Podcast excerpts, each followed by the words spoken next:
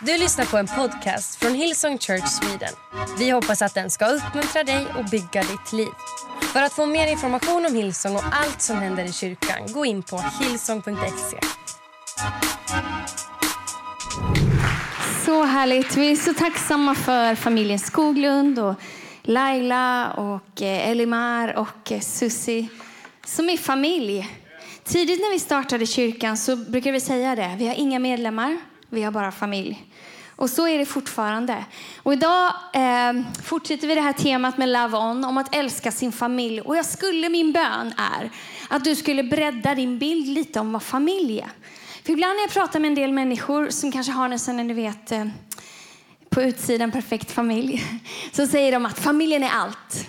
Familjen är allt och man prioriterar familjen och man prioriterar liksom familjemiddagar, man prioriterar släktmiddagar och så vidare. Men jag skulle önska att vi kunde bredda eh, begreppet familj lite grann. För Bibeln talar om att kyrkan är som en familj. Och jag vill uppmuntra dig, oavsett hur din familj ser ut, Eh, så kommer du förr eller senare behöva kyrkofamiljen. Vilken campus du än är på, du kommer behöva kyrkofamiljen. Och behöver du inte kyrkofamiljen just nu och tänker vi har det så bra, us for and no more, då finns det andra som behöver dig. Så när vi pratar om kyrkan idag, älska din familj, så pratar vi om den större familjen. För Bibeln talar om att vi är en familj. Den talar om att kyrkan är en familj. Men ska vi börja läsa Bibeln så ska vi eh, ha det väldigt bra tillsammans här några minuter. Har ni det bra i Malmö? Yes, i Malmö har de det bra. Har vi det bra här i norra? All we do is win. Okej, okay, i Johannes 13, vers 34 35 så säger Jesus, nu ger jag er ett nytt bud att ni ska älska varandra. Så som jag älskat er ska ni också älska varandra. Genom att ni älskar varandra ska människorna eh, förstå att ni är mina lärjungar. Så Gud, vi ber den här stunden, den här stunden som vi har tillsammans, som familj, som kyrka, en kyrka på massa olika platser, att du ska visa oss eh, din kärlek Jesus, hur du har älskat oss och hur vi kan älska varandra och att, du ska, att vi ska gå härifrån eh, och att du ska ha förvandlat oss i Jesu namn. Amen. Amen. Och nu händer det här som händer mig ibland, att jag har druckit för mycket kaffe så att jag är lite darrig. Men eh, det, kan, det är underbart, den där ruschen. Någon som längtar efter den ruschen på morgonen när man bara... Jag dricker fortfarande inte så mycket kaffe så nu känner jag att nu, ja, nu är jag på G. Är ni på G? Hur är det i city? Har ni druckit ert kaffe? Ja, men i alla fall, Bibeln talar om att kyrkan är en familj. Och jag tänkte ge er två bevis på det här så att du bara tror på mig. I Johannes kapitel 1, vers 12-13 så säger Jesus, men åt alla dem som tog emot honom, Jesus, gav han rätten att bli Guds barn. Åt alla som tror på hans namn som inte är födda genom blod eller köttets vilja eller av någon mans vilja utan av Gud. Du, när du tar emot Jesus, när jag tar emot Jesus, så har vi rätten att bli Guds barn. Om vi alla har samma pappa, om vi är Guds barn, vad blir vi då? Vi blir familj, vi blir syskon. Precis, många rätt där. Så välkommen till familjen. Och till dig som är ny, vart du än är någonstans, om du är i Jönköping eller här eller vart du än är. Välkommen till familjen. Vi är lite märkliga, I know, men det är du också, så du passar in. Eh, det står också i Fesebrevet kapitel 2, vers 19. Det är Paulus som skriver, men det är fortfarande Guds ord. Alltså är ni inte längre gäster och främlingar. Du är ingen gäst eller främling. Du har samma medborgarskap som de heliga och tillhör Guds husfolk. Där har du bevisen. Gud säger vi är en familj. Han är vår far, vi är en familj. Vi hör hemma i hans hem. Så du är hemma här, vem du än är, om du vill. Du behöver inte, men du får. Eh, och jag vet inte vad du har för referenser när det kommer till kyrka, eller till kyrka. Det kan vara en annan referens, men när det kommer till familj. En del tycker att det har bara positiva referenser eller positiva associationer. Men en del när man pratar om familj, det är lite jobbigt. Kanske var det jättejobbigt där du växte upp. Kanske är det jättejobbigt nu. Kanske är det en plats där man bråkar. Kanske är det någonting du önskade att du hade kunnat hålla intakt men som gick sönder. Det finns lite allt möjligt. Men när Gud kallar oss som kyrka att vara familj, då är det hans plan och då eh, är det någonting väldigt bra. Så allting som är positivt kring familj, det är det som Gud har tänkt för oss. Men jag tänkte så här, jag, har några, jag läste några citat om familjer. Vill ni höra dem? Någon person säger så här. Häromdagen åt jag på en riktigt trevlig familjerestaurang. Varje bord hade ett bråk. Jag vet inte någon som känner igen det. Eh, en annan så här. Familjeband betyder att oavsett hur mycket du än vill fly från din familj så kan du det inte. Ja. En annan sa så här. Glädje är att ha en stor, älskande, omtänksam, nära familj i en annan stad. Det är hemligheten, eller hur? Någon, nej, jag har delar av min familj i en annan stad. Jag älskar det. Det är inget personligt. Jag bara bor här. Eh, men vi har det bra när vi är tillsammans. Okej. Okay. Men kyrkan är som sagt eh, Tanken är att kyrkan ska vara som en familj. Och inte bara en sån här familj som man säger hej hej och så går man vidare. Utan en familj där man lär känna varandra, man, man finns där för varandra. Eh, och man, eh, en plats där alla kan höra hemma. Alla generationer, hur du än ser ut, vem du än är, så hör du hemma i Guds familj. Eh, så, och här, med, jag, jag, jag liksom läser några bibelord här för att lägga en liten grund. Och sen så går vi vidare. Så här kommer två bibelord till. Är ni med på det? Några mer som har druckit kaffe idag? Ja, några stycken som är vakna. Okej, Romarbrevet 12, vers 10. Där säger eh, Bibeln så här. Älska varandra så som syskon bör göra. Gör allt för att visa hur mycket ni uppskattar och respekterar varandra. Wow. Okej, okay, så det här love on, det här med att älska din familj, det är inte något tema som vi har kommit på eller liksom, eh, bra slogan, utan det, är, oj, det verkar vara någonting som Gud säger. I första Johannes brev kapitel 4, från vers 20 och framåt, så säger han så här. Om någon säger jag älskar Gud men hatar sin bror, då ljuger han. För om någon inte älskar sin bror som han har sett, hur skulle han då kunna älska Gud som han aldrig har sett? Det bud vi har fått av honom är att den som älskar honom också måste älska sin bror. Det här är så intressant. När jag började läsa i Bibeln om hur många gånger det står att vi ska älska varandra som kyrka, det är många gånger. Jag var verkligen tvungen att bara välja två. Alltså så många gånger. Och det här kan ju vara utmanande. Jätteutmanande. Men det verkar som att innan vi liksom går ut i världen och, och ska liksom älska våra grannskap och allting så pratar de om att vi ska älska varandra. Det börjar här. Till och med, det står till och med som vi läste att när de ser hur mycket vi älskar varandra så kommer de fatta att det är Gud som har sänt. För hur? Hur kan människor gilla varandra så mycket? Det är omöjligt. Vi vet det. Du är störig, jag är störig, vi tycker olika om saker. Hur är det ens möjligt? Med Guds hjälp. Så det är det vi ska komma till här idag. Men det är som att, liksom så här, som man slår på en ham Jag gör ju aldrig det, utan jag har en man som hamrar på en spik väldigt ofta. Ibland med, han bygger. Min man är väldigt lik Jesus måste jag säga. På många sätt. Andreas Nilsson alltså, om du inte visste att jag är gift med honom. Han, eh, ja, han är fantastisk. Han bygger i alla fall, snickare. Men det är som att de eh, i Bibeln, det är massa som pratar om det. Paulus och Johannes och Jesus älskar varandra, älskar varandra, älskar varandra, älskar varandra. Hamrar liksom på den spiken. Och om det inte var svårt kanske det inte behövde sägas. Älska varandra, älska varandra, älska varandra. Det är så svårt! Ja, men älska varandra. Jobba på det, jobba på det. Så eh, det är poängen. Och jag vet inte hur det är med dig. Men jag tycker om och vara på en plats där jag känner mig älskad. En plats liksom där man får bara, man känner att man behöver inte bevisa något. Man får bara kan vara som man är. Man uppskattas som man är. Man kan slappna av. Ehm, och vad härligt det vore. Tänk, och vi ser ju det. Det var så otroligt kul igår när vi var på vår Kingdom Builders retreat för er som var med på det. Så kul att se våra Kingdom Builders från olika campusar komma samman och det, man har lite mer tid, så att man har tid liksom att uttrycka upp, uppskattning och, eh, och, och, prata om vad man känner att man är kallad till och sådär. Men det är en fantastisk plats att vara på. Och jag vill bara säga till dig, om du är här idag och känner att du har, du känner inte att kyrkan är den platsen. För du känner inte folk, du kommer i foajén, vinkar lite till några, du är liksom en introvert. Så det är, vi introverter, jag är också en sådan, det kan vara lite jobbigt ibland med många människor. Men vet du vad? Kyrkan, för det, även för dig, Kyrkan är även för dig. Och du är hemma här. Och ibland du kanske inte liksom tycker det är kul att mingla runt, runt 3000 personer i foajén.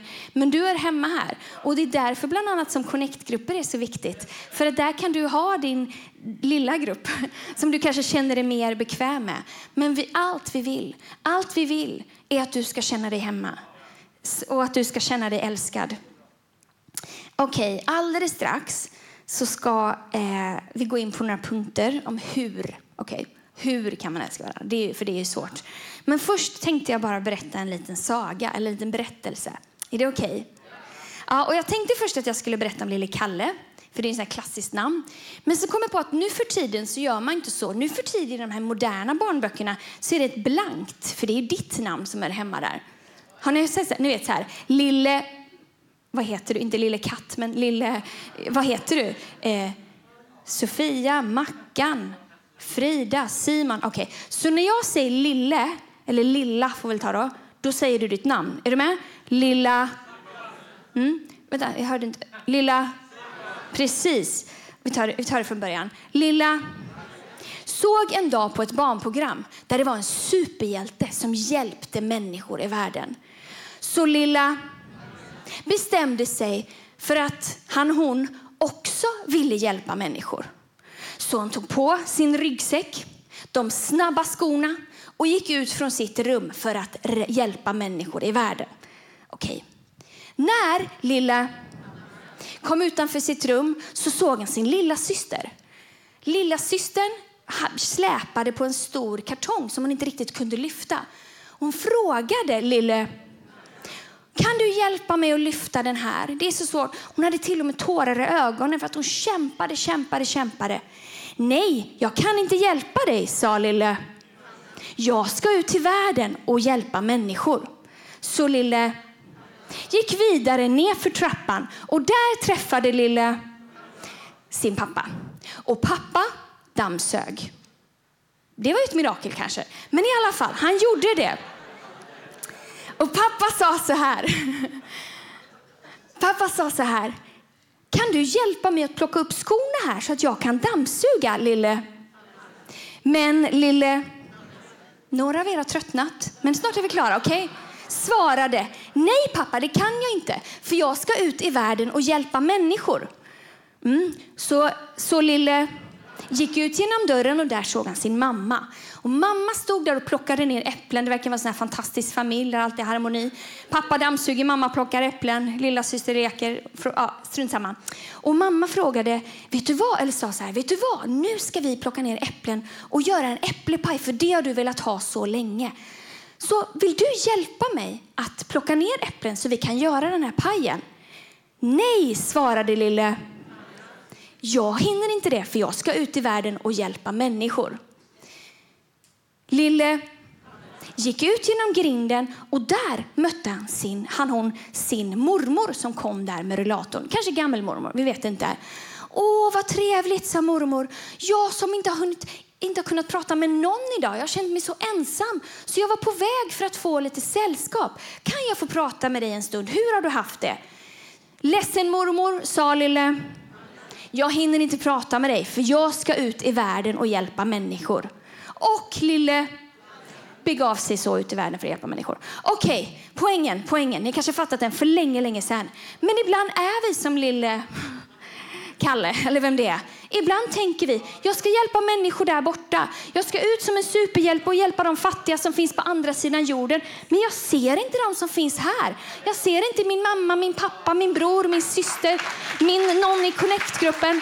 För att jag ska iväg och hjälpa någon där. Vi ska hjälpa dem där. Jag säger inget annat. Vi är här och vi kallar det för att vara en stad på ett berg, för att vara ett ljus i mörkret, för att ge hopp till hopplöshet. Men vet du vad? Vi är först. Det börjar här och sen utåt. För Bibeln säger att när människor ser hur vi älskar varandra, då ska de förstå att det är Gud som har sänt oss. Så återigen, jag säger inte att vi inte ska hjälpa människor på våra skolor, allting. Vi ska det. Men låt oss inte glömma oss som sitter här. Den som sitter bredvid dig. Titta på någon som sitter bredvid dig. Du har ditt syskon där bredvid. Ni kanske ser olika ut. Men du har ett syskon där. Fantastiskt. Helt fantastiskt. Nu ska vi se. Ehm. Ska vi ta några punkter då? Hur kan vi älska varandra? Hur kan vi älska varandra? Örebro, hur kan vi älska varandra? Jag tror att man måste börja från början.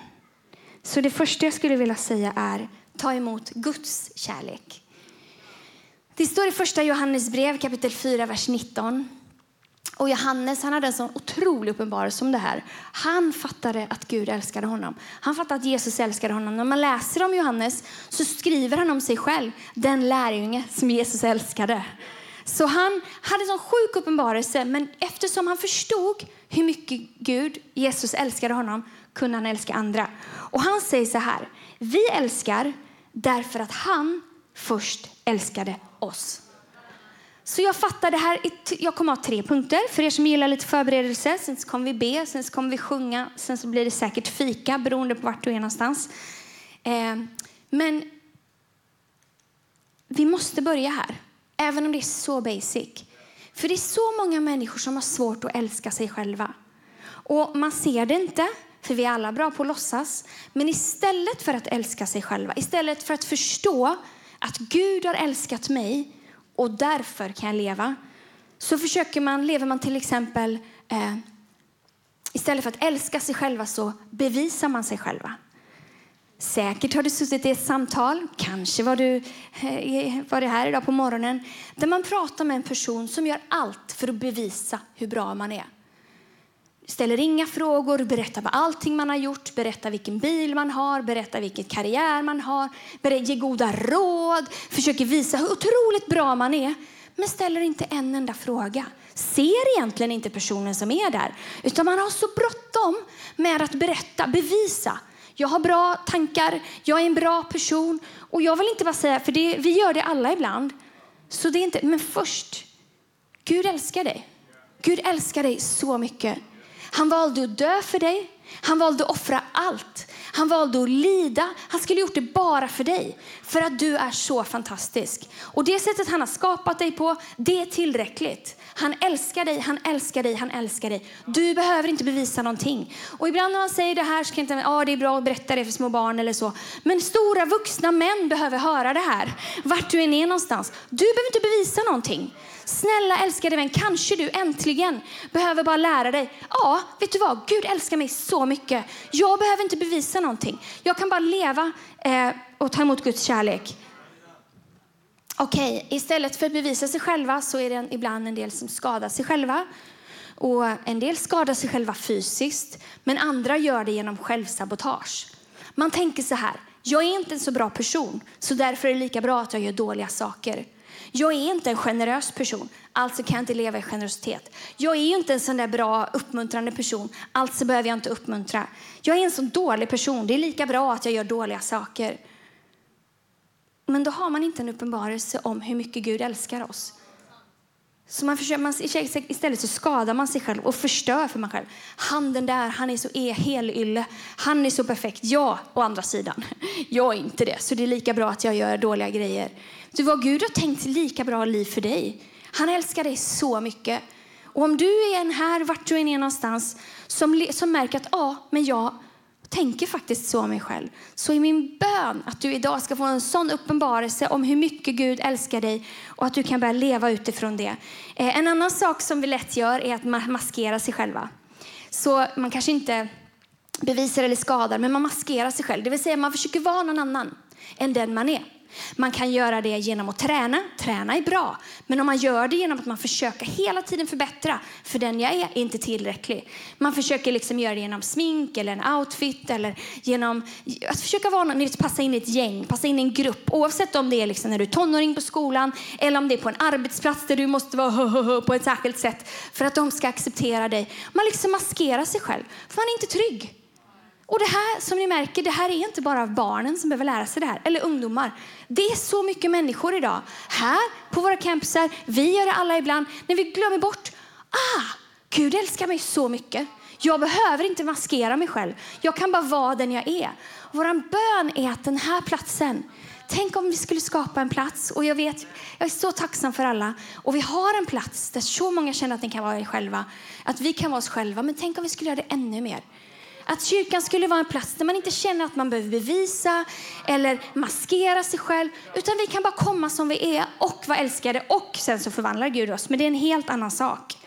Men när man gör det här, när man inte älskar sig själv, när man istället maskerar eller saboterar eller, eller försöker bevisa någonting, då glömmer man helt personen som är framför. För man är så upptagen med sig själv att den här fasaden inte ska ramla ner. Så att jag glömmer, jag tänker inte, jag ser inte ens att hon kanske behöver en uppmuntran eller han kanske har det tufft eller han kanske faktiskt inte behöver höra hur bra du är för det gör att han känner sig sämre. Tänk om vi alla skulle få den uppenbarelsen. Och då kommer nummer två. Lev utifrån kärlek, inte för kärlek. Jag sa att det skulle vara basic, det är så basic. Men tänk om alla i vår kyrka skulle leva utifrån kärlek. Utifrån, ah, han har räddat mig, han älskar mig, han eh, har gjort mig till den jag är. Och var så sjukt trygga i det, så att man lever utifrån kärlek. Och då kan man dela med sig det till andra. I första Johannes, som ni märker, Johannes skriver mycket om det här. Kapitel 4, vers 16 så säger han så här att eh, framåt. Vi, eh, vi har lärt känna Guds kärlek gentemot oss. Och vi tror på hans kärlek. Gud är kärlek. Och den som förblir i denna kärlek förblir i Gud och Gud i honom. I detta har kärleken fullkomnats hos oss. Att vi får vara frimodiga på domens dag. För så som han är, så, också, så är också vi här i världen. Och det finns ingen rädsla i kärleken. Utan den fullkomliga kärleken driver bort rädslan. Rädslan att inte vara accepterad, rädslan att inte vara nog, rädslan att försöka hålla måttet och så vidare. Rädsla hör nämligen ihop med straff. Och den som fortfarande är rädd har inte full, blivit fullkomlig i kärleken. Vi älskar, här kommer det igen, därför att han först älskade oss. Och om någon säger jag älskar Gud men hatar sin bror, då ljuger han. För om någon inte älskar sin bror som han har sett, hur kan han då älska Gud som han aldrig har sett? Så när man läser hela det här sammanhanget, det börjar med att du måste fatta, du är accepterad. Du accepterar precis som du är. Din farsa kanske sa, du är inte bra, det kommer gå värdelöst till dig. Din mamma kanske sa det, dina syskon kanske sa det, din, din arbetsplats kanske tittar ner på dig, dina klasskamrater kanske tittar ner på dig. Men jag skulle vilja säga, du är älskad, du är fantastisk, du är skapad, du är annorlunda kanske, men det finns en mening med det. Och lev utifrån det. Lev utifrån det. Bättre sent än aldrig. Och kanske är det det som du behöver gå härifrån och liksom ta med. Eller vart du ens går, går ifrån den här online. Om du går in från vardagsrummet till köket. Ta med dig det.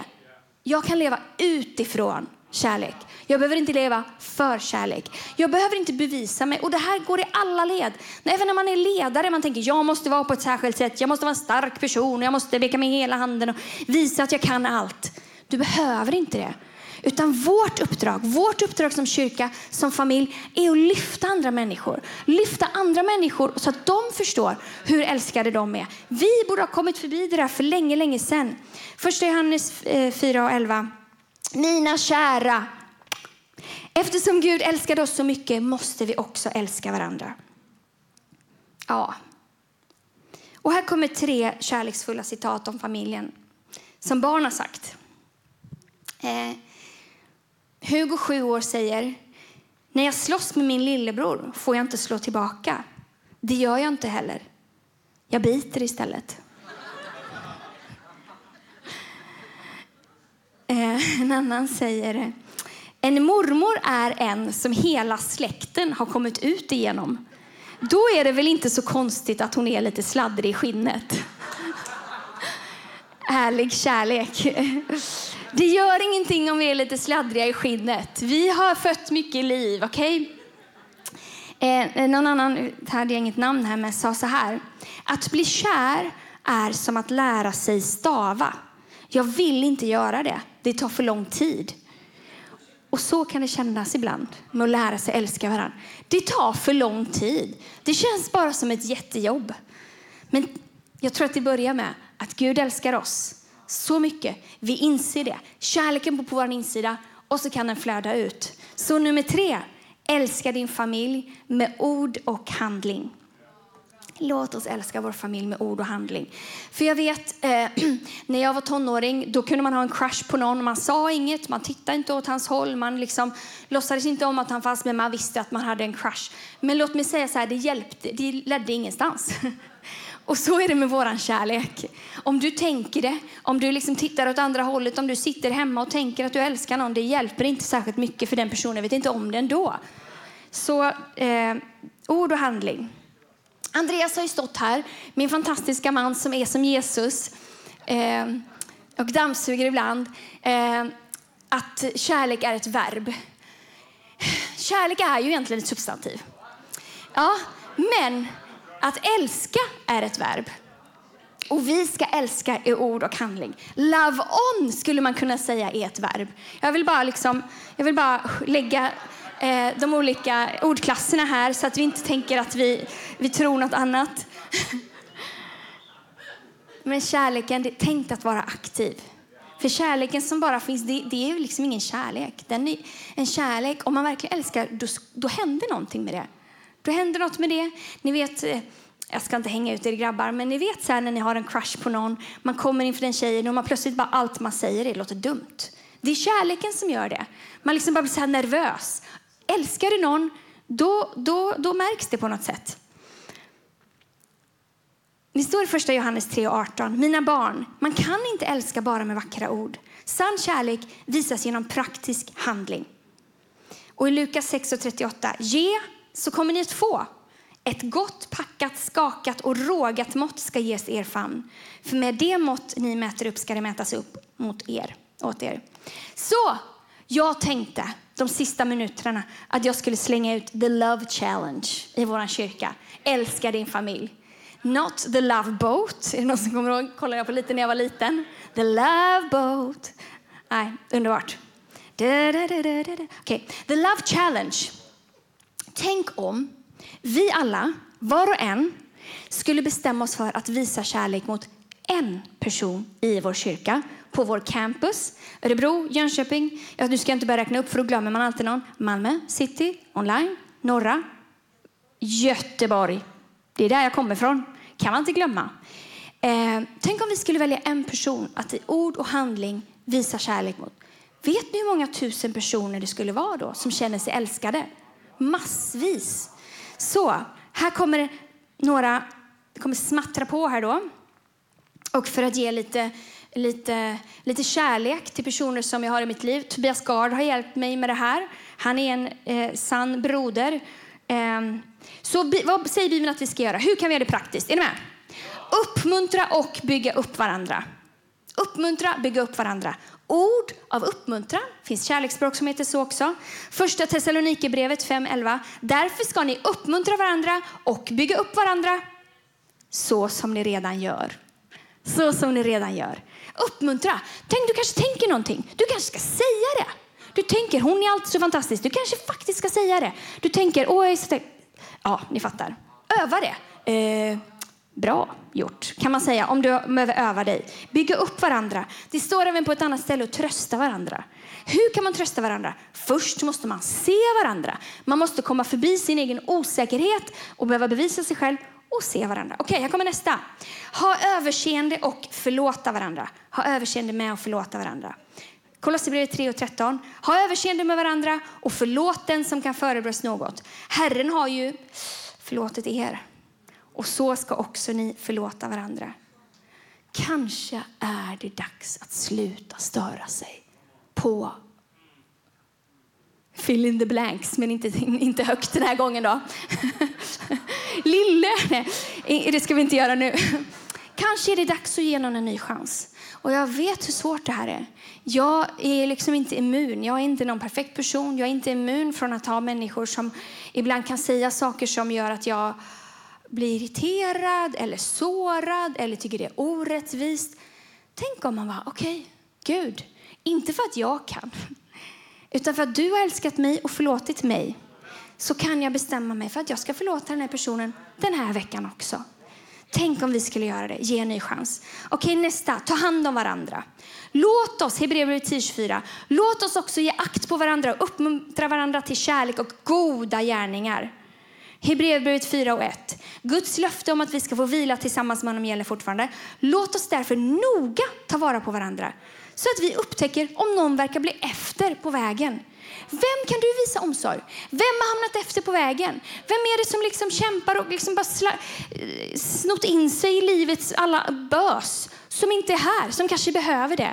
Och då kanske inte den behöver att du kommer dit och säger skärp dig, du måste leva för Kristus. Nej, den kanske behöver lite uppmuntran och lite kärlek för att de ska komma hit. En person. Om Gud lägger en person på ditt hjärta, då är det kanske den du ska höra av dig till. Okej, okay, det är mycket här nu. Är ni med? Är du med, lille? Eh, vad har vi nu då? Ta hand om varandra. Sen nästa, Jakobs eh, brev 15 och 6, 5 och 16 så står det Bekänn därför era synder för varandra och be för varandra så att ni kan bli botade. Den rättfärdiges bön har stor verkan.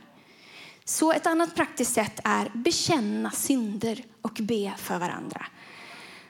Tänk om vi skulle ha en atmosfär där vi faktiskt vågar säga vad vi kämpar med. I din Connect-grupp, skapa ett klimat. Jag pratade med en fantastisk, eh, fantastisk broder från Göteborg igår. Han pratade om att i, i Connecten ibland så kan det vara att det är vissa rum som man inte öppnar. Alla vet att de finns där. Men de säger så här, om, vi öppnar, om du öppnar dörren så hjälps vi åt att städa tillsammans. Tänk om våra connect-grupper skulle vara en sån plats där vi vågar öppna upp. Jag kämpar med det här. Jag kämpar med det där. Så städar vi tillsammans. Vi dammsuger tillsammans. Vi hjälps åt. Vi ber för varandra. Eller kanske när du är i foajén istället för att säga är det bra eller? Så kan du fråga finns det något jag ska be för den här veckan? Finns det något jag kan be för? Det är bara så praktiskt. Vi är fortfarande i the love challenge. Du behöver bara välja en. Du får välja alla för er som är tävlingsinriktade. Men nästa, eh, Galaterbrevet 6 och 10. Ta därför vara på varje tillfälle att göra gott mot andra människor och särskilt mot dem som tror. Så här kommer det, göra gott mot varandra. Mm, här behöver man vara lite kreativ. Det händer liksom inte av sig själv. Hur kan jag göra gott mot so and so, den och den? Vad behöver de? Andreas pratade förra veckan om att damm, eh, klippa någons gräsmatta. Kanske har du ingen gräsmatta och inte din granne heller. Inte din eh, connect-person heller, eller connect-ledare eller connect-person heller. Men det kanske finns något annat. Du kanske kan hjälpa någon att handla, eller du kanske kan hjälpa någon att flytta, eller du kanske bara kan köpa en extra limpa bröd till någon. Eh, här har vi nästa. Lev i harmoni med varandra. Filipperbrevet 2.2. Gör mig då verkligt glad genom att leva i harmoni med varandra. Älska varandra, var eniga i ert tänkande och sträva mot samma mål. Öppna upp vårt liv för andra troende. Och det kan vara lite svårt om man har varit med i kyrkan länge. Kanske har det, kanske har det inte. Och så liksom känner man några stycken lite ytligt. Att ta samma steg, eh, ta ett steg till. Varför inte göra det? Och jag, och jag och Tobbe Tobias Gard skämtade eh, igår om att ibland har man hälsat på en person jättemånga gånger men man har liksom kommit förbi det där att man vet deras namn. Alltså man vet inte deras namn fortfarande. Har ni varit med om det någon gång i kyrkan? Hej, hej, hur är läget? Har du haft en bra vecka? Men man har liksom glömt vad de hette för man glömde det från början. Men nu har vi pratat tio gånger här och nu kan jag inte fråga vad heter du? Nej. Så idag om du vill i foajén så kan du gå och fråga människor vad de heter. Ska vi bara ge nåd till varandra? Och om någon kommer och frågar dig vad du heter kan du säga, så kan du ha överseende med den och förlåta den och ticka av en sak ifrån The Love Challenge. Ska vi göra det? Hela poängen är, tänk om vi skulle vara lite kreativa. Gud kallar oss till att älska varandra. Och det här predikan, den mynnar ut i första Johannesbrev 4 och 19. Jag läste redan. Vi älskar därför att han först älskade oss. Först måste vi inse hur mycket han älskar oss. Sen kan vi leva i det, leva igenom det och inte för det. Och sen kan vi älska varandra. Eller utifrån det kan vi älska varandra. I ord och i handling. Och det, du kan göra vad du vill med den här predikan. Den är kanske, kanske du känner så här, ja, den var inte så avancerad. Nej, men tänk vad det grundläggande är svårt ibland. Så jag vet inte på vilket sätt Gud har talat till dig idag. Han är så fantastisk. Han låter oss höra det vi behöver. Kanske är det så att du behöver förstå vem Gud är, hur mycket han älskar dig. Kanske är det så att det finns något namn som du behöver förlåta. Kanske är det så att du bara, okej, okay, men jag ska ta ett steg i the love challenge och faktiskt liksom agera på kärleken så att människor, så att vår familj blir en, blir en plats där människor älskar varandra. Amen. Amen. Och jag skulle vilja, ska be lovsångsteamet, eh, teamen, teamet på många platser komma upp. Men eh, innan du kan göra någonting, jag började med det, innan du kan göra, innan du kan eh, älska varandra med den här kärleken så måste du förstå vem han är och hur mycket han älskar dig. Och jag skulle vilja prata med dig vart du än är någonstans om du aldrig har tagit emot Guds kärlek. Eller om du har tagit emot och sen har du av någon anledning vandrat iväg. Då skulle jag så gärna vilja ge dig ett tillfälle att ta emot honom just nu. Så, och ibland kan man behöva liksom ta en stund och fråga sig själv, vad vill jag egentligen? Vill jag ta emot den kärleken som Gud ger? Och vill jag leva för honom? Och vill jag eh, ta emot det liv som han har? Så därför om det är okej okay, så kan du blunda och böja ditt huvud bara för att den som är omkring dig ska få liksom en privat stund tillsammans med Gud. Och som jag sa i början, vet du vad? Att Gud älskar dig så mycket. Vem du än är, vad du än har gjort. Så står han med öppna armar. Han har skapat dig av en anledning på det sätt som du, som du är. Men grejen är, och han vill att vi ska vara en del av hans familj. Han vill eh, adoptera oss in i hans familj. Och när man eh, blir en del av hans familj, då ärver man allting som han har. Alla hans egenskaper, eh, man blir lik honom, men man får också alla gåvor som han har. Men det är upp till oss att säga ja till det. Och jag skulle vilja erbjuda dig, vart du än är någonstans, på vilken campus du än är, att säga ja till det erbjudandet. Jesus gjorde det möjligt för oss att få bli en del av Guds familj. För mig, det är den största skatt jag kan tänka mig. Att, få, att Gud har älskat mig och vad han gör i mig. Och han ger mig kraft att älska andra. Han ger mig kraft till omöjliga situationer. Han ger mig frid, han ger mig glädje, men framförallt så ger han mig liv. Han förlåter mig allting som jag gör fel, alla mina synder. Bara genom att jag säger ja, jag vill att du ska göra det. Jag vill ta emot det. Så om du inte har tagit det beslutet förut någon gång, eller om du har gjort det förut men du vill ta det beslutet på nytt igen, så ska du alldeles strax få räcka upp din hand. Det är som att Gud sträcker ut en hand mot dig. Liksom, ta min hand, men vi behöver ge någonting i gensvar och bestämma oss för att göra, för han tränger sig inte på. Så om du vill vara den som liksom sträcker, sträcker handen mot honom eh, och tar emot honom i, i ditt liv idag, så kan du få räcka din hand. Du kan få räcka din hand och jag kan, kommer be för dig. Jag kommer inte ta fram dig, inte hänga ut dig. Och det här gäller vilken campus du än är på. För det här är inte någonting som du gör mellan mig och dig eller dig och människor omkring dig. Det här är någonting mellan dig och Gud. Så om du vill ta emot hans kärlek, ta emot honom in i ditt liv, ta emot honom som din far, ta emot honom eh, och bli en del av hans familj så kan du räcka upp din hand just nu så ska jag be för dig. Vart du än är någonstans, håll den högt. Gud välsigne dig. Håll den högt så att jag ser. Alla andra blundar. Gud välsigne dig, fantastiskt. Gud välsigne dig. Så välkommen till familjen, så fantastiskt. Är det något mer jag behöver vänta på? Gud välsigne er, Gud välsigne er. Gud ser din hand. Vilken fantastisk stund. Vilken fantastisk stund. Är det någon mer jag behöver vänta på? Fantastiskt. Du är så värd att vänta på. Gud har väntat på det här ögonblicket. Amen, amen. Vi kan ta ner våra händer. Så ska vi göra så att eh, du ska få be en bön efter mig tillsammans med alla andra familjemedlemmar. Alla andra som också har blivit tagit emot att få bli Guds barn. Eh, så vi gör så här. Tack Jesus för att du välkomnar mig till din familj. Tack att du välkomnar mig som jag är. Att du förlåter mig mina synder att du ger mig en ny möjlighet att leva ett nytt liv med dig. Jag vill ha allting som du har och jag vill ge det jag har till dig. Från och med idag så vill jag vara din och du får vara min. I Jesu namn. Amen. Amen. Stort grattis till dig som tog det beslutet. Fantastiskt. Ska vi göra så att vi ställer oss upp på alla våra campusar och så lovsjunger vi en stund. Den Gud som har älskat oss så mycket. Den Gud som har gjort allt för oss. Amen. Du har lyssnat till en podcast från Hillsong Church Sweden. Om du vill veta mer om vår kyrka eller om våra söndagsmöten surfa in på hillsong.se.